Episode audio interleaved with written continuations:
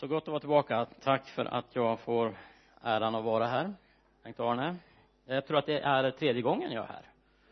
Ja, och eh, jag vet också, jag kommer ihåg varenda gång jag har predikat och vad jag har predikat om och jag har ju på något sätt haft en livsresa som jag har delat med er, som ni vet också. Och eh, Gud är trofast, han är med i alla livets förhållanden. Han är Gud för alla livets situationer, eller hur? Det är inte bara på toppen av berget utan det är även i det tuffa tiderna i livet som Gud är med. Och jag tänker på det, alltså ju mer jag har vandrat med Jesus, desto mindre verkar det som att jag förstår på något sätt. Som ung förkunnare visste jag allt om allt, jag kunde svara på alla frågor. Och ju mer tiden går så är det på något sätt som livet ödmjukar en och så står man där. Det enda jag vet är att Gud är god. Och att hans nåd, det räcker hela vägen. Så Gud, han är en Gud för livets alla situationer. Jesus sa, jag är med er alla dagar in till livets slut. Betyder alla dåliga dagar, men alla bra dagar. Alla riktigt usla dagar, men alla riktigt bra dagar. Och eh, det vill jag bara skriva under att han har alltid varit trofast. Ända sedan den dagen som jag fick det där personliga mötet med Jesus. För det är ju det som jag tror på, ett personligt möte med den levande guden. Där han går från att vara en religion till att han blir en person där man får erfara att du Jesus, du är ju på riktigt, du finns ju där. Och det fick jag på Nygatan 29 i Söderfors, jag har ju delat med det här tidigare. Och är det någonting som jag kan titta tillbaka på är det att jag ändå har fått bibehållit den där kärleken till Jesus.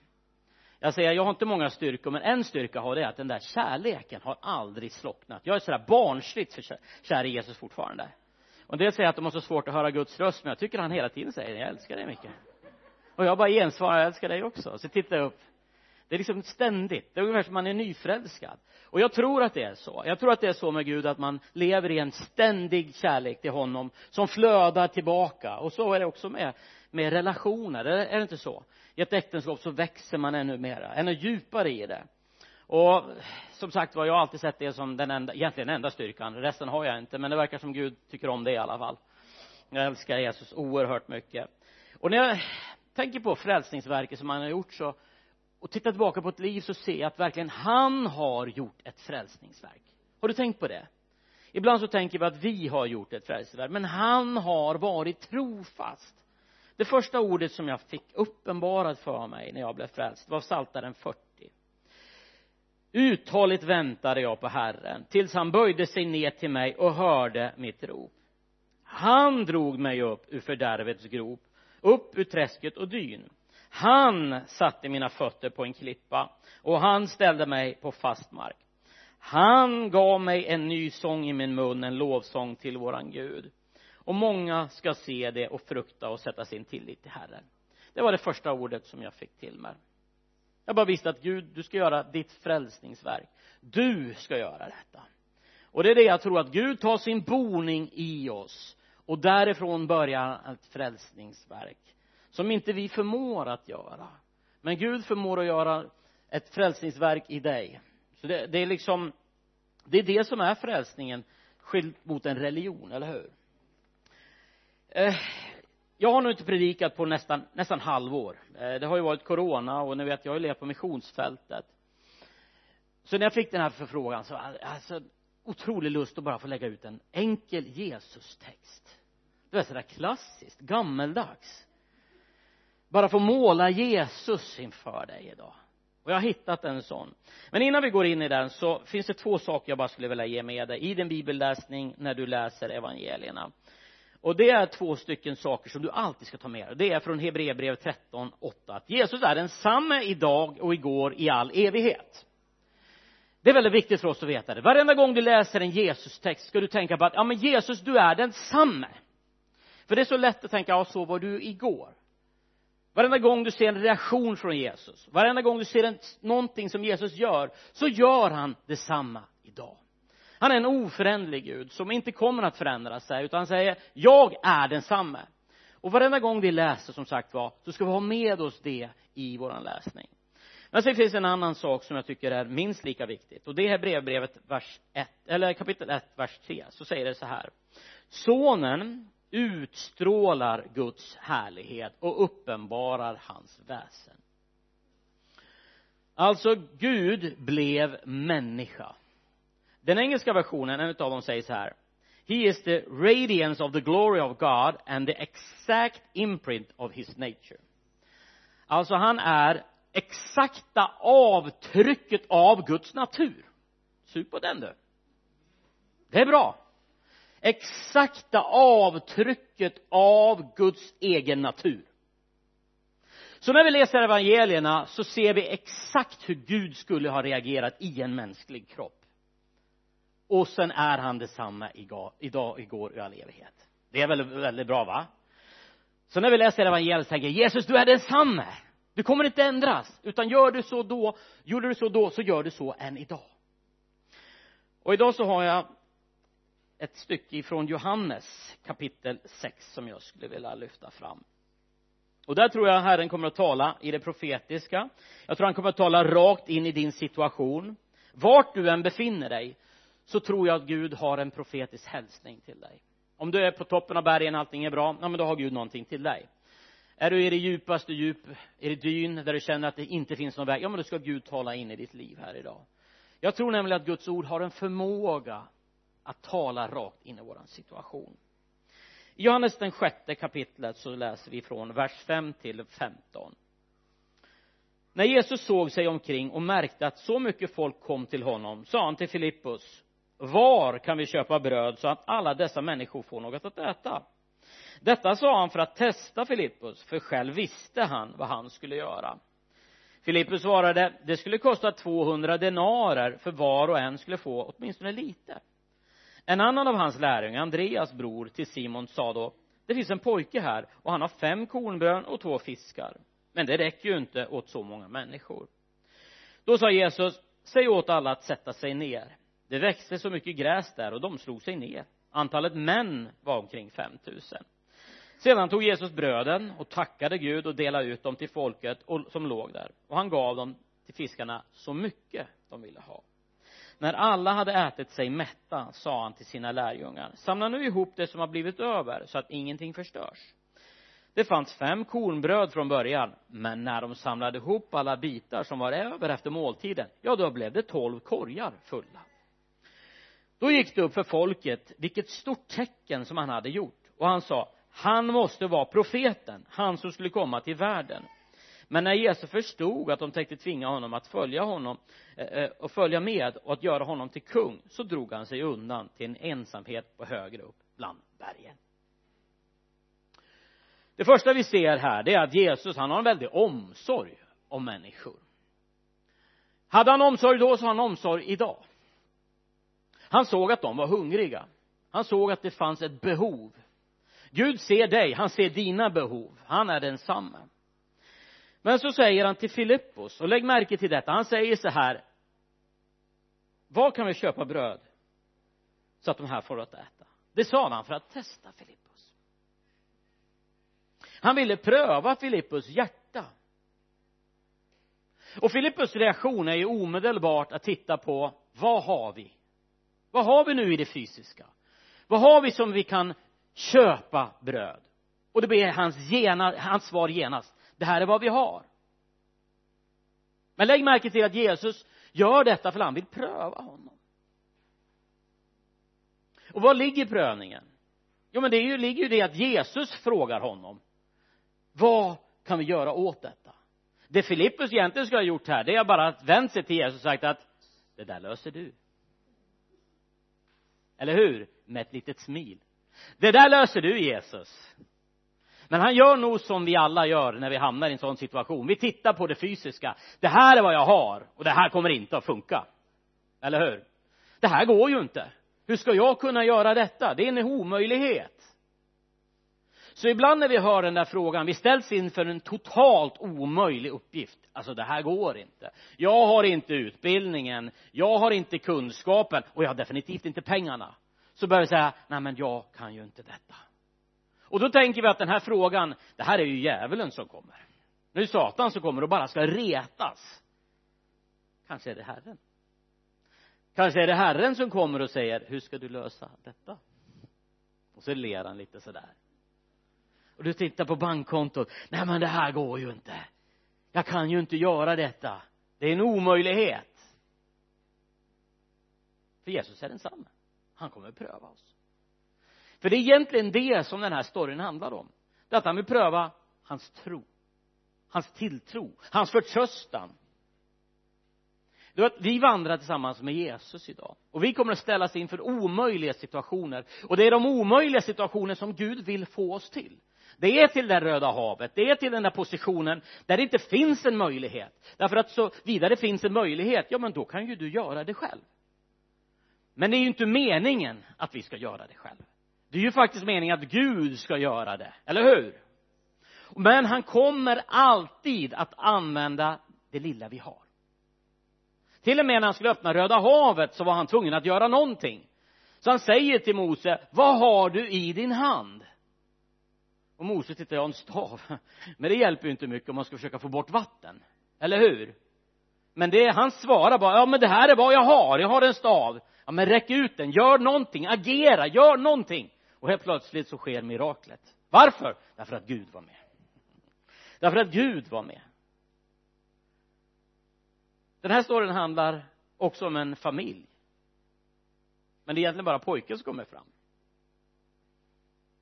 De är också där på fältet bland de där 5000 män och alla kvinnorna. Förmodligen uppåt en 20 000 med all säkerhet. Man hade väl en hel del barn på den tiden så det ligger säkert underkant.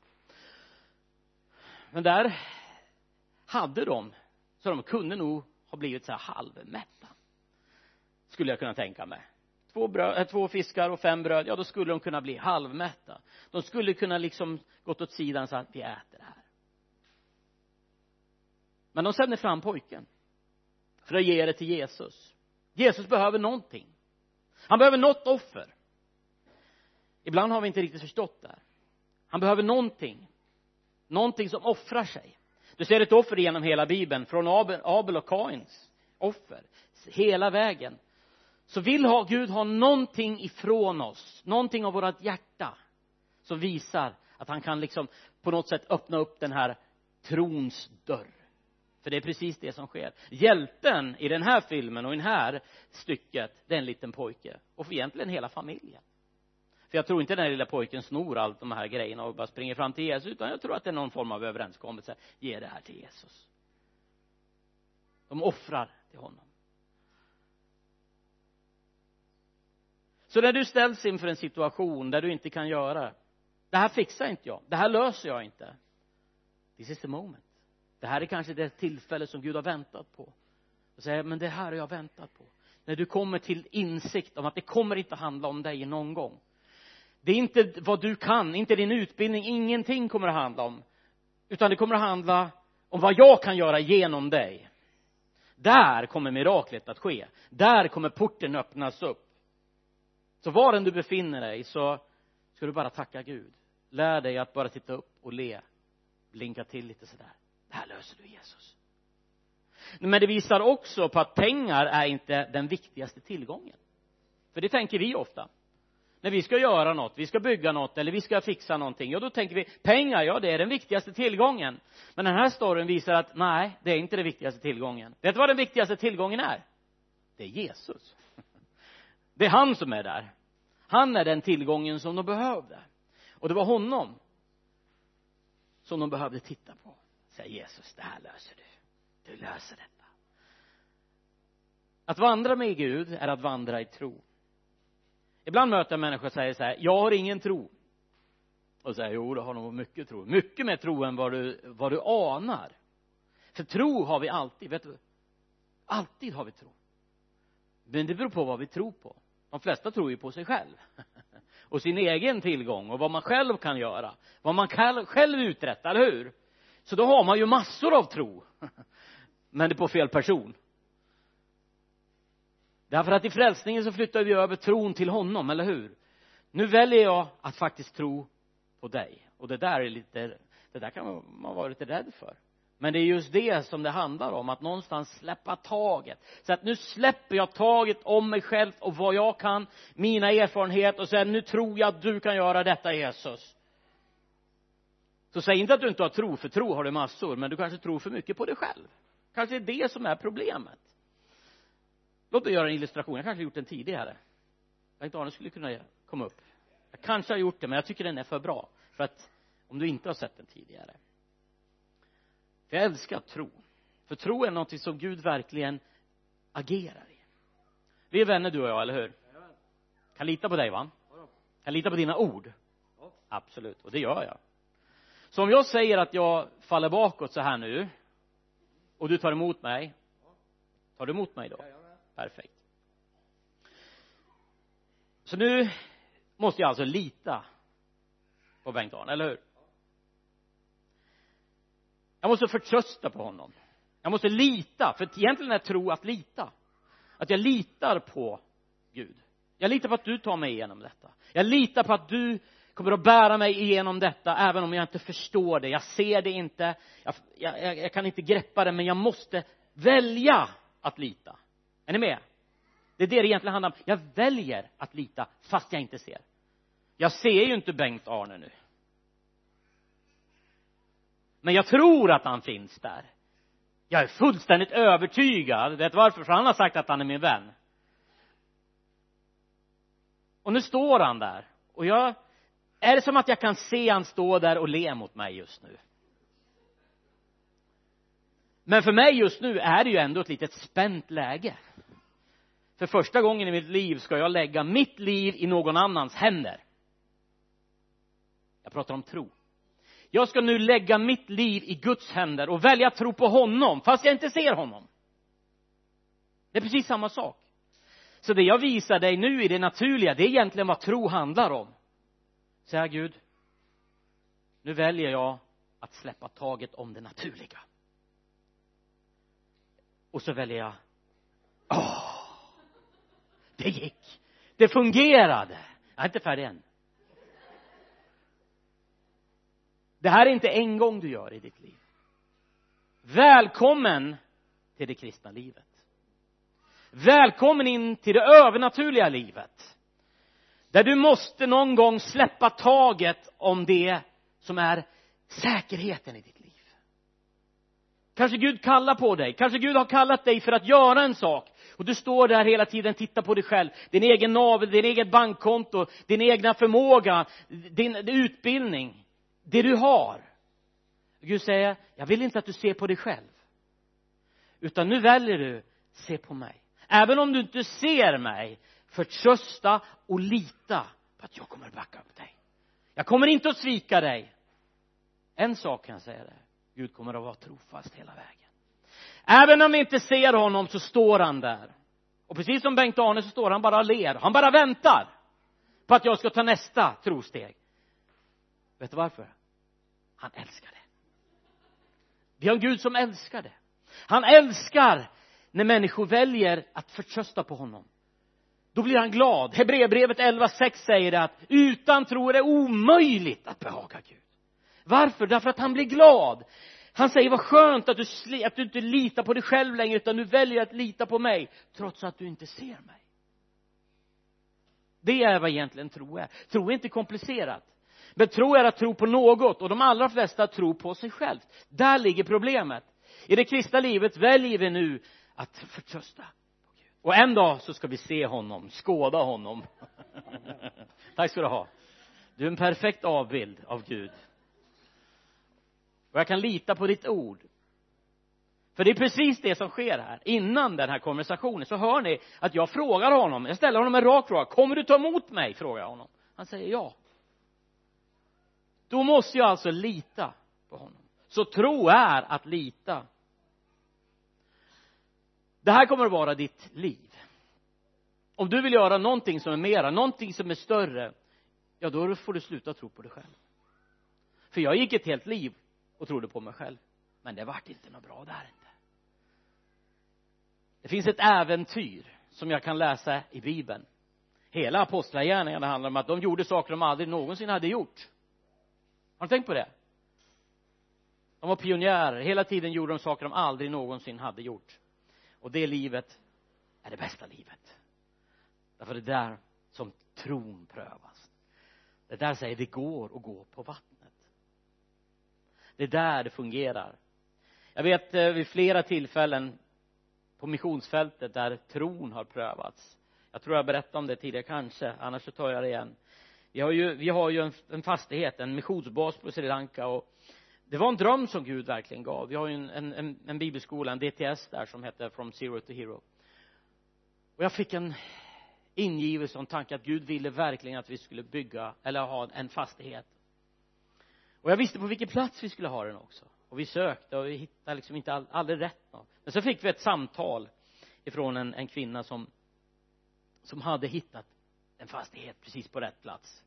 Och jag bara känner det där lukten av äventyr, lukten av den heliga ande, lukten av att Gud har någonting på gång här. Så jag sa genast till min koordinator vi åker dit nu på en gång. Ja, jag kan inte vänta för det här känner jag igen. Den här tonen känner jag igen. Det är lukten av att någonting är på gång så vi åkte dit genast trots att det var kväll. Och när vi kommer till den här fastigheten så bara går vi runt den och bara säger det här är våran. Det här är min. Den här ska jag ha. Vet du vad? Från och med den stunden ägde jag den. Det är säkert jag ägde den. Jag talade om som att det var min. Inte som att lufttro utan jag bara jag bara det här här ska vi ha det och här ska vi ha det. Det här är våran. Fortfarande hade jag inte fått något pris på den men det brydde jag mig inte så många för det var min. Pengarna hade vi inte heller men jag visste att det här är min så jag sa till koordinatorn nu ringer det till ägaren och säger att vi ska upp en affär för han bodde då i Colombo så vi behövde åka dit. Så ska jag göra det? Så ja, absolut det här är det här ska vi köpa. Så han det är ju fantastiskt han ja. Eh, koordinatorn var ju här förra gången också eller för första gången. Så då åkte vi i alla fall eh, och eh, till till den här mannen och, och gjorde upp affär. Vi kom dit och sa att vi, vi ska köpa den här. Och jag tog en hand med honom och sa att vi köper fastigheten och eh, sen när vi väl kommer ut så minns jag liksom eh, våran koordinator sa det här är fantastiskt liksom vi köpa eh, fastigheten här och, och, och när, när liksom när ska vi betala den? Jag har pengarna liksom? Och han bara nej men vi har inga pengar. Nej jag har inga pengar jag hade jag hade verkligen inte det. Men jag hade gjort upp affären det var klar. Jag bara tittade upp herre jag vet inte hur det här ska gå tillbaka. Jag har ingen aning alltså för det är för mycket pengar. Det, det liksom funkar inte. Hur vi än vrider och vänder på detta så kommer det inte liksom att få ihop det. Men ägare var vi innan vi hade den. Det är tro. Ägde den innan vi hade den. Men jag sa honom vi kommer tillbaka om en par tre månader något liknande jag minns jag tror det var tre månader. Sen kommer vi tillbaka efter tre månader med en check. Bara lägger den. Gud var där. Gud var där. Varför? Därför att man tittade inte på vad plånboken hade.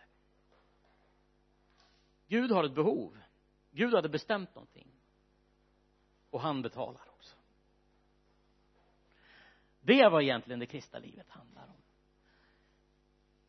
I den här storyn som vi har läst så handlar det om alltså det, det är två fiskar och fem bröd.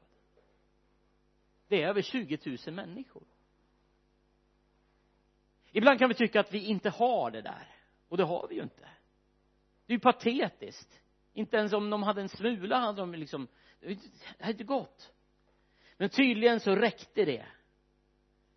När det läggs i Jesu händer. Och jag tänker bara alltså hur gick det till? Tänk om, tänk om youtube hade funnits på den tiden. Man hade fått filma de här korgarna. Alltså hur gick det till? Jag har ingen aning men jag tror på det. Jag har ingen aning men jag tror ju det, eller hur? Och sen visar det ju också alltså hur Gud är generös. Inte så här ät nu bara lite grann utan så mycket som de ville ha står det. Har du läst det? Han är densamma idag. Så mycket ni vill ha. En generositet. Ät så mycket proppa i er bara. Tryck i er så mycket bröd som ni bara kan. Och när de väl var liksom mätta då ber han dem samla ihop. Det blir tolv korgar över av de där fem bröderna. Så kan det vara när man vandrar med Jesus. Och jag tror det finns nycklar här i generositeten. Den här familjen som gav hade ett generöst hjärta.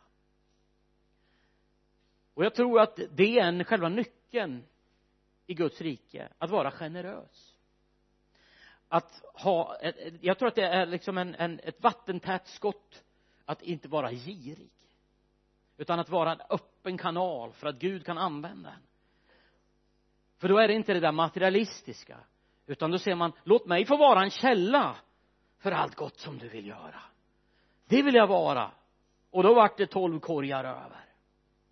Jag tror Gud har tolv korgar över för dig.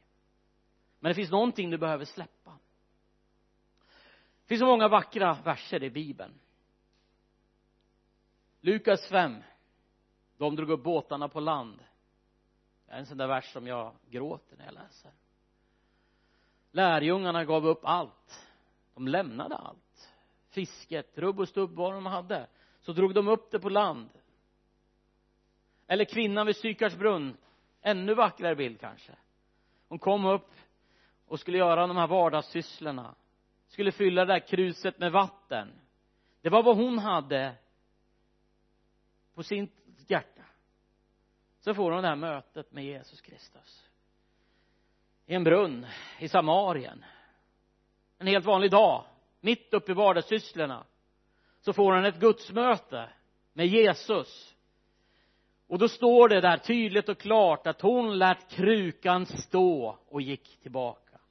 Nej det är så vackert det saknade betydelse. Det hon egentligen skulle ha levt för saknade betydelse.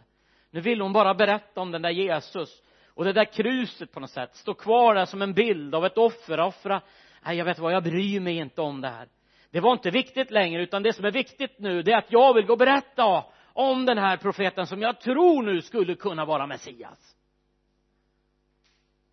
Det finns en båt, det finns någonting, det finns någonting som vi behöver ibland bara se jag tror Gud talar in i våra liv.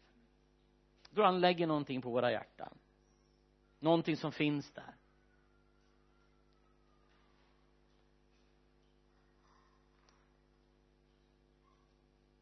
Gud är en Gud av överflöd som inte ger bara precis vad vi behöver utan han vill ge mer. Och jag tror det. När nu Jesus har haft det här miraklet där de har ätit så mycket de kan så märker människorna då att han måste ju få vara han måste ju vara den här profeten. Han måste ju vara den som vi har väntat på. Nu ser de ett mirakel som inte går att förklaras. Och genast så vill de göra sig till, honom till kung. Vad gör Jesus då? Han drar sig undan. Alltså vilken ledare! Han visste att nej det är inte min kallelse att vara kung på den här jorden. Jag har ett annat mål. Jag har ett kors som jag ska gå till. Jag tillåter dem inte att göra mig till kung. Det är väl ödmjukt Gud själv. Så här, vet du vad? Vi skippar det. Det är bra ledarundervisning. Eller hur? Låt oss bli lik Jesus i allt. Men den här dagen slutar inte där utan Jesus han vill fortsätta lära sina lärjungar om tro. Därför att det står på kvällen samma dag så sänder han iväg sina lärjungar över. Själv ville han vara med fadern. Han ville vara en stund för sig själv. Och jag tror att det finns nycklar där.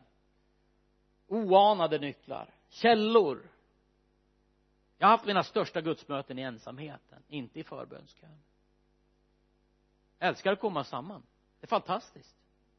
Få ett profetiskt ord. Få komma samman med syskon. Men jag har haft mina gudsmöten i ensamheten. När det bara är jag och Gud och det finns ingen annan där har jag mina möten. Det är där jag tittar upp. Slänger en slängkyss. Tittar upp. Så hör jag han säga jag älskar dig. Jag älskar dig också så på kvällen samma dag så går han upp på berget bara för att han vill vara med fadern. Han vill ha en stund för sig själv. Sänder iväg lärjungarna med båten. Men så är Jesus som han är. Han har ingen lust den här dagen att gå runt sjön. Utan han går på sjön. Han går på vatten. Och det kan man göra om man är skapare. Då gör man som man vill. Det är Gud kommen som människa. Glöm inte det. Eller hur? Det är Gud kommen som människa och vill han gå på sjön då gör han det. Eller hur? Så han klafsar rakt ut bara så går han. Och när han nu kommer fram till de här lärjungarna ja då skriker de rakt ut och säger titta ett spöke. Det står så. Till och med grundtexten säger det. De tror på spöken fast de är gamla gubbar.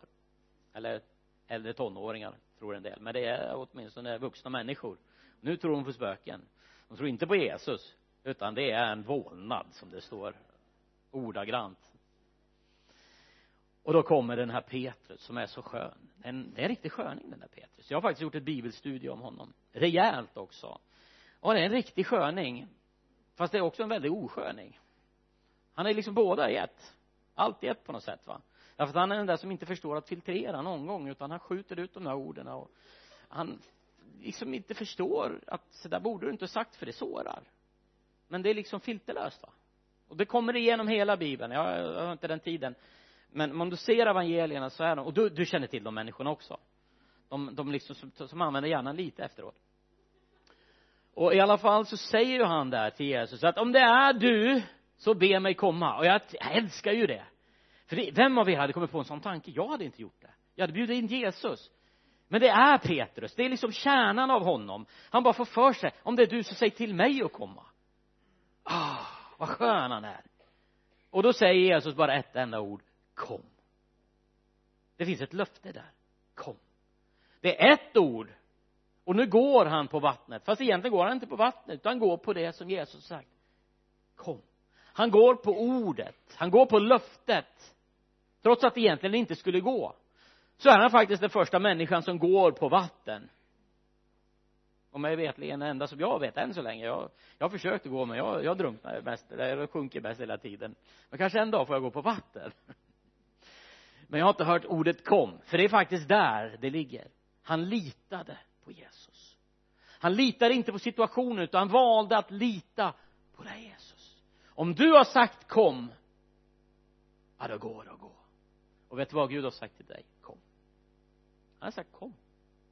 Det finns ett liv. Det finns ett äventyr för dig att vandra på att springa på. En väg som är utstakad för dig i ditt liv.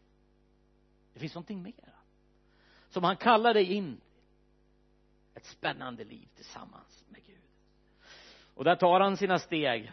Men vi vet också det att han släpper blicken från Jesus. Tydligt och klart. Och så tittar han på det som är runt omkring. Lägg märke till det samma dag. Där Jesus liksom vill undervisa dem om förtrösta på mig. Lita på mig. Lit, släpp förtröstan på dig själv omständigheterna, bankkonton, allt vad du har, alla utbildningar. Välj att fokusera bara på mig. Se på Jesus. I alla situationerna. Brödundret Jesus gjorde det för han ville pröva Filippus. Vad kommer du att se på när du ställs där? Filippus såg på det han hade. Petrus, Petrus gör precis samma sak. Han tittar på situationen som är runt omkring och det är höga vågor. Och det står tydligt och klart att han släpper blicken och tittar på omständigheterna och klart han börjar att sjunka. Och det är så skön bild att han börjar sjunka. Det måste gå så här sakta liksom. Så här skönt. Alltså ja, ja alltså Jesus jag skulle se filmen om detta. Tänk om vi får se filmen när vi kommer upp i himlen när han börjar att sjunka. Det är så, det är så osannolikt. Hur går det till? Han borde sjunka omedelbart men det går sakta på något sätt så Jesus hinner ju fram i alla fall och greppa tag i honom. Och där så säger han vad lite tror du har. Alltså varför släppte du blicken? Och så går han faktiskt tillbaka sen. Det ska vi ge Petrus kredit för. Varenda gång man ser bilden på Petrus så ser man ju alltid när han liksom är på väg att sjunka. Det är typiskt hos människor som är alltid så negativa. De plockar alltid fram det som är negativt. Han sjönk. Ja men han gick ju innan. Han gick ju tillbaka. Det står inte att Jesus bar honom han gick ju tillbaka sen också och satte sig i båten att vandra tillsammans med Jesus att leva ett övernaturligt liv med Jesus kommer att handla om att släppa den här tron på sig självt förtröstan på sig själv. Och jag tror det är därför som Jesus säger att se på barnen. Det finns ingen vackrare bild än det. Att ett barn kan du lura i vad som helst. Den kommer alltid att tro det, eller hur? Jag brukar säga det. Om du säger att det finns ett ufo utanför så kommer jag säga är det sant? Och så är du tillräckligt övertygad? Ja men det är sant då kommer den att tro på dig. Och den kommer springa runt till allihopa och säga det finns en sån här grön gubbe där utanför. Och Jesus sa det är en sån tro. En barnslig tro. Du vet att vandra med Jesus det är inte komplicerat. Det är väldigt enkelt. Jag gjorde det väldigt komplicerat i början och skulle kolla alla knepen och alltihopa. Men någonstans så blev Jesus en punkt. Ingenting mera. Det vart Jesus och det vart en punkt. Det handlar handlar om det är han som får ta mig igenom den här situationen. Och han ska ta dig igenom din situation precis var du än befinner dig. Han ska ta igenom församlingen. Han ska bära igenom församlingen till nästa nivå. Den här församlingen är på väg någonstans. Och även om det ser nattsvart ut och även om inte pengarna finns där så är inte pengarna det viktigaste utan det viktigaste är Jesus. Det är den största tillgången vi kan ha. Det är den barnsliga tron på att du Jesus, du tar oss igenom detta. Han har ett äventyr för den här församlingen. Den bästa tiden ligger framför. Det är alltid så. Det är när det är som mörkast som man ska sjunga den sången. Och det vet jag av erfarenhet. Det bästa ligger framför. Den gick varm förra året. Det bästa ligger framför. Hur? Jag har ingen aning men det bästa det ligger framför hur än det blir så ligger det bästa framför. Så är det med Jesu församling. Det bästa ligger framför. Vad det än har gått igenom vad som än har hänt i ditt liv failat, misslyckats, syndat, vad det än är det bästa ligger framför. Gud är en Gud av upprättelse. Och glöm inte han som har, på, han som har påbörjat ett gott verk han ska också fullborda det. Och jag tänker det så många gånger här du har påbörjat ditt verk i mig. Och jag måste tro att du också ska fullborda det jag tänker på det utifrån Hesekiel som jag sa tidigare att han gör ett frälsningsverk. I Hesekiel så profeterar Gud om vad han en gång ska göra. Där står det jag ska ge er ett nytt hjärta och låta en ny ande komma in i er. Jag ska ta bort stenhjärtat ur er kropp och ge ett hjärta av kött. Jag ska låta min ande komma in i er så att ni kan göra och vandra efter mina stadgar och hålla mina lagar och följa dem så ska ni få bo i det land som jag gav åt era fäder och ni ska vara mitt folk och jag ska vara er Gud. Lägg märke till detta. Jag ska. Vem är det som säger det? Gud, eller hur? Jag ska. Religion säger något annat. Ni måste göra. Eller hur? Ni måste göra ta bort stenhjärtat ur er kropp. Ni måste göra detta eller hur? Och så matar man på med en massa kravlistor. Men Gud säger att jag ska göra ett verk i er. Jag ska göra detta. Jag ska ta min boning i er. Jag ska ta bort det där stenhjärtat. Det är därför jag alltid säger att alltså när jag blev frälst så tog ju Gud bort själva ursynden i mig. Den där som inte ville ha med Gud att göra. Sen kommer de där äh, synderna kvar hela tiden och liksom gör sig påmind. Men ursynden den är ju sannerligen borttagen för jag vill ju leva enligt det ordet, eller hur? Innan ville jag inte leva enligt det här ordet. Tvärtom jag ville ju leva mitt liv på mitt sätt och jag ville ju vara skitig. Jag ville ju allt det som var i mörkret för jag önskar ju det. Men i frälsningen tar han ju bort ursynden, längtan att skita ner sig. Och jag blir en ny skapelse i Kristus Jesus. Så Gud har bestämt att göra ett verk i oss. Ett frälsningsverk av hans väldiga nåd. Det är därför som jag alltid har varit så noggrann ända sedan jag blev frälst att poängtera för människor jag bjuder aldrig in dig till en religion. För jag hade inte själv velat haft en religion. Utan Jesus bjuder in dig till en nära väldigt enkel relation. Och när allt annat blir för komplicerat ja, då går vi tillbaka till det där enkla Jesus. Och en punkt och det vill jag säga med en punkt. Jesus med en punkt. När allt blir för komplicerat då går vi tillbaka till honom. Och så läser vi evangelierna och säger Jesus du är densamme. Om du reagerade så där och då då gör du det än idag.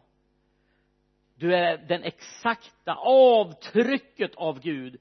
För vi människor tyckte Gud var så komplicerad och så långt borta. Men Gud sa jag är Gud som kommer nära er. Gud Immanuel. Gud nära oss som kommer för att visa vem Gud är. För religion kan bli så svårt och Gud kan bli så långt borta men i Jesus blir han väldigt nära. Det är därför jag älskar de där Jesus-texterna och slutar aldrig fascineras av dem. Ganska ofta tar jag bara en sån där Jesus-text och så går jag och lägger mig och så tänker jag mig så befinner jag mig på den platsen. Jag tänker på hur Jesus gör vad han säger. Varenda gång så ser jag de där ögonen. De speciella ögonen som såg på ett sånt speciellt sätt. Och jag tror det finns någonting att bibehålla den där kärleken. Kärleken till Jesus.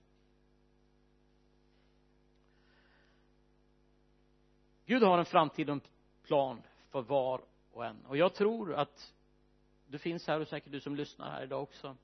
Där Gud på något sätt har väckt på nytt en längtan. Någonting som han sa tidigare. För det är inte alltid Gud säger någonting nytt. Ibland vill han bara påminna oss. Och ibland går tiden. Jag har massor av olika saker som som har hänt. Men jag har fortfarande massor av saker som Gud ännu inte har fullbordat i mitt liv. Men jag tror det ska bli som du har sagt. Och ibland hamnar jag också där att min alltså min min kalender synkar inte riktigt med Gud. Utan det verkar som hans kalender är så långsam och min är så snabb jag vill ju att allting ska ske min sätt. Och de som känner mig vet att jag är verkligen så. Jag har väldigt lite tålamod för det. De säger att det är andens frukt så jag får inte ihop det där riktigt. Men jag vill ju ha allting på en gång. Men samtidigt får jag säga så här okej okay, Gud vi får väl gå efter din almanacka då och din kalender. Men det blir som du har sagt. Jag litar på det så jag tror Gud har varit profetisk. Jag tror Gud har talat in i din situation in i församlingens liv eller du som tittar på oss på liven. Att Gud har inte gett upp. Gud har en plan och han ska fullborda den i ditt liv. Men du måste också förstå att det finns saker och ting i våra liv som ibland måste släppas. Det finns någonting av något offer. Det handlar inte om att, att liksom kanske offra eh, något större sak ibland handlar det om, om vissa saker som du kanske måste släppa att arbetet måste avsluta kanske Gud har lagt på ditt liv kanske börja en bibelskola. Jag har ingen aning. Jag säger inte så säger Herren men någonstans finns det en båt det finns någonting att släppa taget om och säga Gud nu är det dags. Och i det kommer Gud att verka. Jag påminns ju varje gång jag kommer till den här församlingen om två stycken män Daniel Berg och Levi Petrus och det vet ni jag påminns om dem varje gång. Och jag tänker mig tänk Bengt Arne om vi fick en bild när de klev in här. Alltså tänk dig vilken film. När de kliver in här en film så hade de ingen aning. Äh, de hade ingen aning om någonting. Levi Petrus tror jag de allra flesta känner till aposteln pingströrelsen. Jag har läst alla hans böcker kan allt ut och in ett otroligt föredöme ödmjukhet. Men Daniel Berg. Alltså som har skakat hela Brasilien. För er som inte känner till Daniel Berg vad heter Gunnar Wingren va? Ja Gunnar Wingren. Två oskolade pojkar ifrån Vargön. Det var inte mycket. Det var några bröd bara men vad valde de? Herre vi vill ge våra liv till dig. De snackade inte. Frukten av dem ser vi än idag. Till och med presidenten i Brasilien är frälst på grund av dem. På grund av vad som hände här. Den här dop, är det samma dopgrav eller har ni ändrat? Ja man skulle vilja döpa sig igen alltså. Nej jag tror inte på det men det skulle ju vara fint alltså. Alltså det någonting med vattnet så här fetisch. Nej jag bara skämtar. Jag tror inte på magi. Jag tror på Jesus. Det brukar jag säga när jag är utomlands för den delen också. Det är inte magi det är Jesus. Det är inte mig det är Jesus. Men jag påminns om det när jag kommer hit. Att det var inte mycket med de där pojkarna. Men jag tror någonstans att Gud såg Levi. Febrig som han var. Det var väl en höst också. Febrig höst kommer han. Men han bestämt sig. Nej jag ska följa Jesus går från Vargön för att döpa sig här och frukten av deras liv. Det fanns någonting av ett offer. Det fanns någonting av att betala någon form av pris. Jag tror inte de är för mer än någon annan. Men det kan vara vi. Det kan vara du. Det kan vara jag. Det där kruset den där båten som dras upp. De där bröderna som kommer. Ett offer. Herre vad jag ger till dig herre. Och när jag ger det så vet jag att du kommer att betala tillbaka mer än vad jag ger. Du kommer ge mig ett liv. Välj att tro på honom och inte på dig själv. För det är mycket enklare att tro på sig själv och sina egna bankkonton. Men en vandring med Jesus kommer aldrig handla om dig det kommer handla om honom. Ska vi be? Herre vi tackar dig att du är den som föder tro. Tackar vi eh, talar trons ord. Det är det vi gör tron kommer av predikan och predikan i kraft av Kristi ord. Tack att det bygger tro när vi talar ditt ord herre. Tack att det här är Facebook och inte Facebook herre. När vi talar det här ordet så kommer tro. Det föder tro in i vårt liv. Och jag tackar dig för den som har tittat på internet. Jag tackar dig för den som är här idag. Att tro har kommit in, en förtröstan, lita på att du kommer att vara med, du bär oss igenom situationer. Vi behöver inte ha alla svaren men vi behöver lita på att du är där du backar upp oss. Och vi tackar dig att du tar med de här de här liknelserna och det som vi har haft här idag. Deponera det i deras hjärtan herre. Vilket röda hav vilken situation de än befinner sig i herre. Låt det bli kött låt det bli blod låt det bli på riktigt. Låt de här dörrarna öppnas upp för församlingen. Herre vi ber för det nya som kommer. Vi lyfter upp bengt vi lyfter upp församlingen. Vi bär dem inför ditt ansikte. Och vi tackar dig att du har sagt någonting du har talat någonting herre du har talat någonting om någonting nytt i den här församlingen. Och vi tillsammans idag vill bara säga amen och ja herre. Låt det ske herre. Låt de där tillgångarna komma herre. Tala till hjärtan herre. Du är den som kan tala till hjärtan. Vi bär upp den här situationen, vi bär upp församlingen, vi bär upp dem inför dig Herre, Och vi tackar dig. Att ditt namn det är trofast Herre. Och vi ärar dig och vi prisar dig och vi tackar dig. I Jesu namn.